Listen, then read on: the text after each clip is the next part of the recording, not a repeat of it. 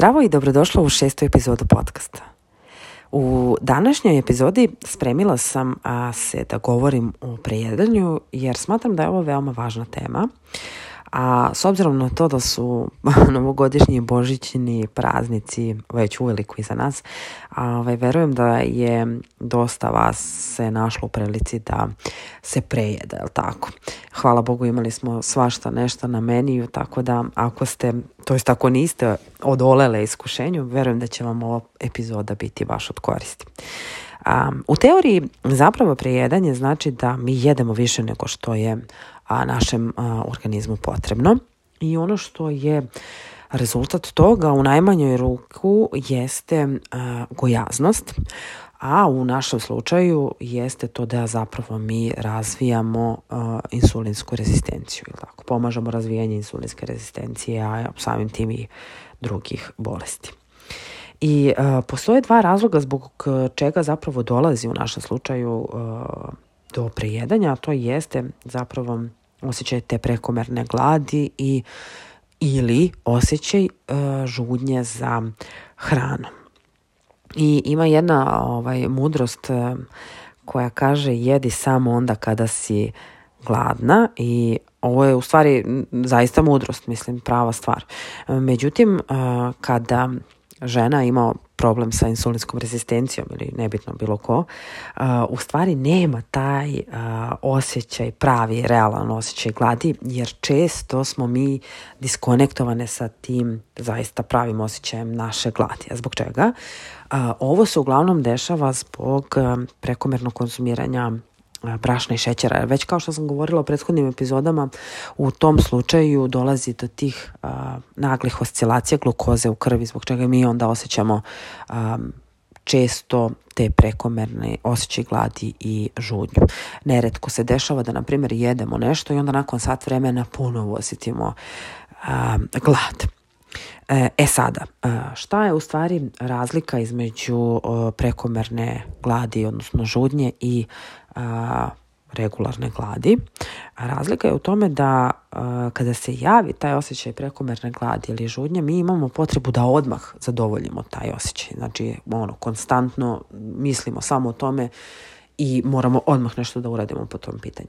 A sama glad kao glad zapravo nije toliko agresivna, mislim, mi ćemo jednostavno osjetiti, de detektovat ćemo, aha, mi smo gladne, hajde sada da ručamo, da doručkujemo, da jedemo, znači nebitno. Um, nemamo, nemamo taj osjećaj uh, impulsni da odmah zadovoljimo tu svoju glad. E, i u ovom slučaju najbolja stvar koju mi zapravo možemo da uradimo jeste da izbacimo upravo brašne šećere da bi za početak e, mogle da osetimo taj pravi osjećaj kada mi zaista jesmo gladne. To je, to je ključna stvar. Jer dokle god imamo oscilacije glukoze u krvi, mi ne možemo jasno da razlučimo da li je to e, pravi osjećaj gladi ili je žudnja ili šta ja znam. Tako da e, to je razlog zbog kojeg uglavnom ove dve namirnice napravo, zapravo nama to najmanje ovaj, su potrebne. E sada postoje postoje nekoliko, ne faza, ali e, različitih vrsta prejedanja. Ja ću sad neke navesti, a zadržat ću se na nekima koje su onako mislim, bar za mene veoma važne i bitne, a verujem da je za većinu vas. A, za početak postoji, na primjer, nesvesno prejedanje. Nesvesno prejedanje bi bilo, recimo, kada e, hipotetički, ajde sad nebitno, e, jedete kokice i u jednom momentu samo osvestite da ih nema više. I ovo se uglavnom dešava onda kada, na primjer, gledate nekakav film ili nekakvu seriju epizod, nebitno. Znači, radite nešto drugo dok uporedo jedete hranu. A, još jedna vrsta prejedanja jeste binđovanje. Mislim, ja nemam iskustva sa binđovanjem, ali binđovanje u suštini znači da vi a, jedete hranu m, mm, protiv svoje volje. Znači, jedete ogromne količine hrane, bukvalno trpavate se tom a, hranom. E, ono gde planiram da se zadržim a, jeste emotivno prejedanje. Ja mislim da sam... A, u stvari ne mislim, ja jesam emotivni prejedač i uvek e, govorim ako vidiš da sam gojazna, onda sigurno neki aspekt mog života nije ovaj, ok. Šta sada u stvari, s obzirom da smo žene, verujem da će većina vas da se prepozna u ovome. E sada šta predstavlja zapravo emotivno jedenje? Emotivno jedenje u stvari znači da mi e, izbjegavamo da se suočimo sa nekom našom emocijom i uglavnom su to uh, da kažem, ne, neke neprijatne, ne, negativne emocije i zbog čega mi u stvari te negativne emocije kompenzujemo a, hranom, je tako, zadovoljstvom u hrani i oslobođamo na taj način dopamin ili kako god. Znači, e, hrana u tom slučaju bude neka vrsta nagrade za nas. E sada, a, ono što je tu veoma, a, da kažem, izazovno, jeste da a, ako izbegavate da osjetite svoje osjećanja, u stvari izbegavate da osetite šta zaista želite. E sad, ono što može da bude okidač jeste, na primjer, da imate nekakvo okruženje koje vam ne prija. Ne znam, da li su to neki prijatelji ili partner ili nebitno porodica, kako god.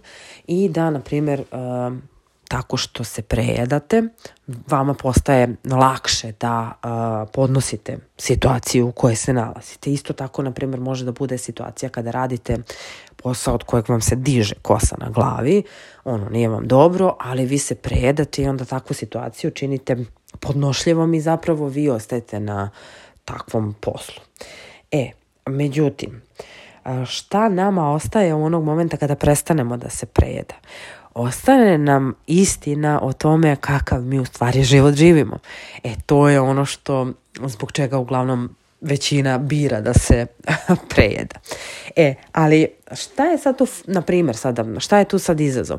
Ako je situacija sa poslom u pitanju, vi ćete se prijedati i ostajati na poslu kojem niste zadovoljne, a, a ako to ne biste radile, a, kada se ti predaš i ostaješ tako na poslu a, sa kojim si nezadovoljna, a, ono što se dešava jeste da a, odlažeš mogućnost da ti se taj posao dovoljno smuči, da kažeš e, ok, ja sam za nešto bolje odoh odavde. Znači, bukvalno propuštaš priliku da e, sebi nađeš bolje radno mesto. Mislim, ovo zvuči ludo, ali ovo je e, veoma, veoma istina. I najvažnije u suštini u celoj priči jeste da budemo na, ono, zadovoljne sobom. E sada, kako mi još možemo da budemo zadovoljne sobom da ne bi dolazila u situaciju a, da se prejedamo? Znači, ono što možemo još da uradimo jeste a, e, da vežbamo. Znači, pokret sam po sebi je veoma bitan jer nam daje priliku da osetimo svoje telo, jer nam daje priliku da se osetimo dobro.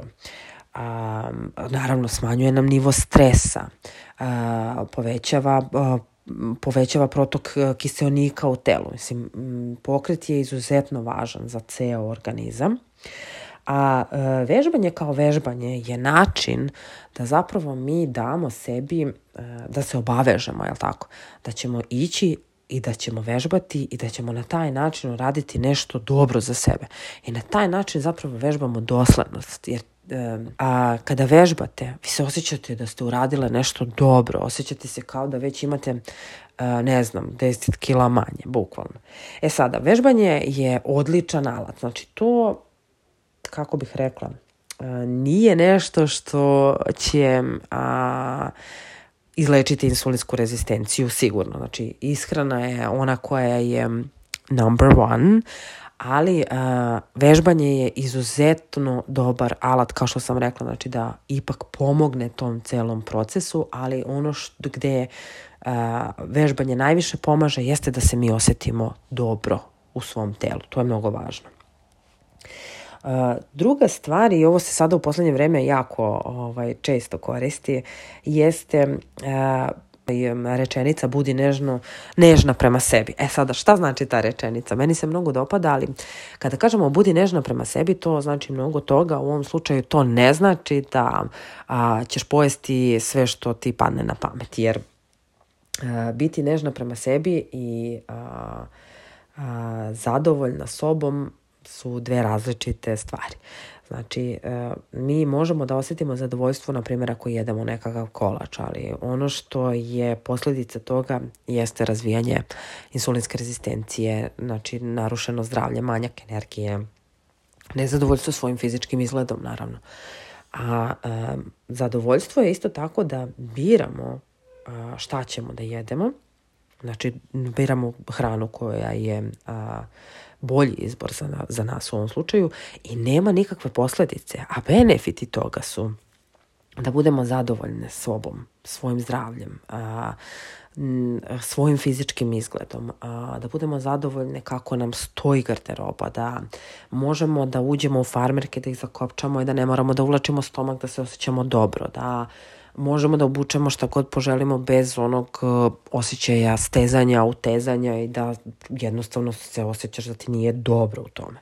E, ovde hoću da se nadovežem još za a, e, želju za fizičkim izgledom kada smo već a, e, kada već govorimo o tome, jeste da ta želja za a, fizičkom izgledom koje smo imale u prošlosti, na primjer a, mi želimo, na primjer, da se vežemo za neki izgled, ne znam, lupam ili broj na vagi. Ja kažem, e, ja hoću da izgledam, ne znam, da imam 59 kila. A, na primjer, 59 kila sam imala zadnji put kada sam bila prva godina srednje škole. Mislim, a, ja sada i tada, mislim, to su dve različite žene i apsolutno nemamo veze sa tim i apsolutno ta kilaža uh, za mene sada i ženu koja sutra želim da postanem nije primerena i ne treba se vezivati za to. To je ono nešto što uh, žene često rade, a da postignu određeni rezultati i onda budu nezadovoljne i onda počinju da sebe, ne znam,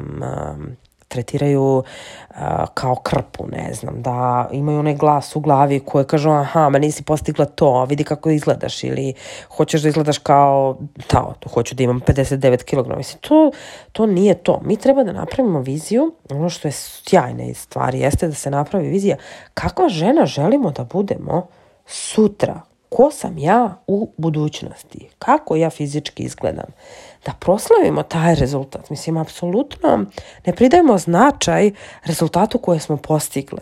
To je jako važno, jer e, u mom slučaju, Bojana koja je bila prošle godine i ova koja sam ja danas, to nisu iste žene. I to je normalno, jer mi svaki dan napredujemo i svaki dan imamo nešto drugačije i apsolutno treba svoju viziju o svom telu i zadovoljstvo svojim životom isto tako staviti u jednu drugačiju prizmu. Staviti, postaviti je drugačije, znači u skladu sa tim ko sam ja, koja želim da postanem sutra, a ne ko sam ja bila u prošlosti. Mislim, to su dve različite, ne dve, nego ja ne znam koja verzija žene, mene konkretno. Dakle, bavljenje svojim zdravljem, kao što čujete, je a, mnogo izazovno i a, daje najveći uvid u to u kakvom zaista stanju e, je naš mentalni život i u stvari gdje se mi nalazimo na a, lestvici zadovoljstva našim životom. Znači, najveći uvid zapravo dobijamo tu. I tu je, to je neverovatno, neverovatno jer um, ono koliko smo zapravo mi zadovoljne svojim životom i kako se osjećamo, kreira našu stvarnost. Tako da ako u ovom trenutku iz nekog razloga nisi zadovoljna svojim životom, nešto debelo nije u redu i to treba da se menja. Kreni od toga da se baviš svojim zdravljem a, i napravi sebi taj izazov, jer desit će se ogromne promene.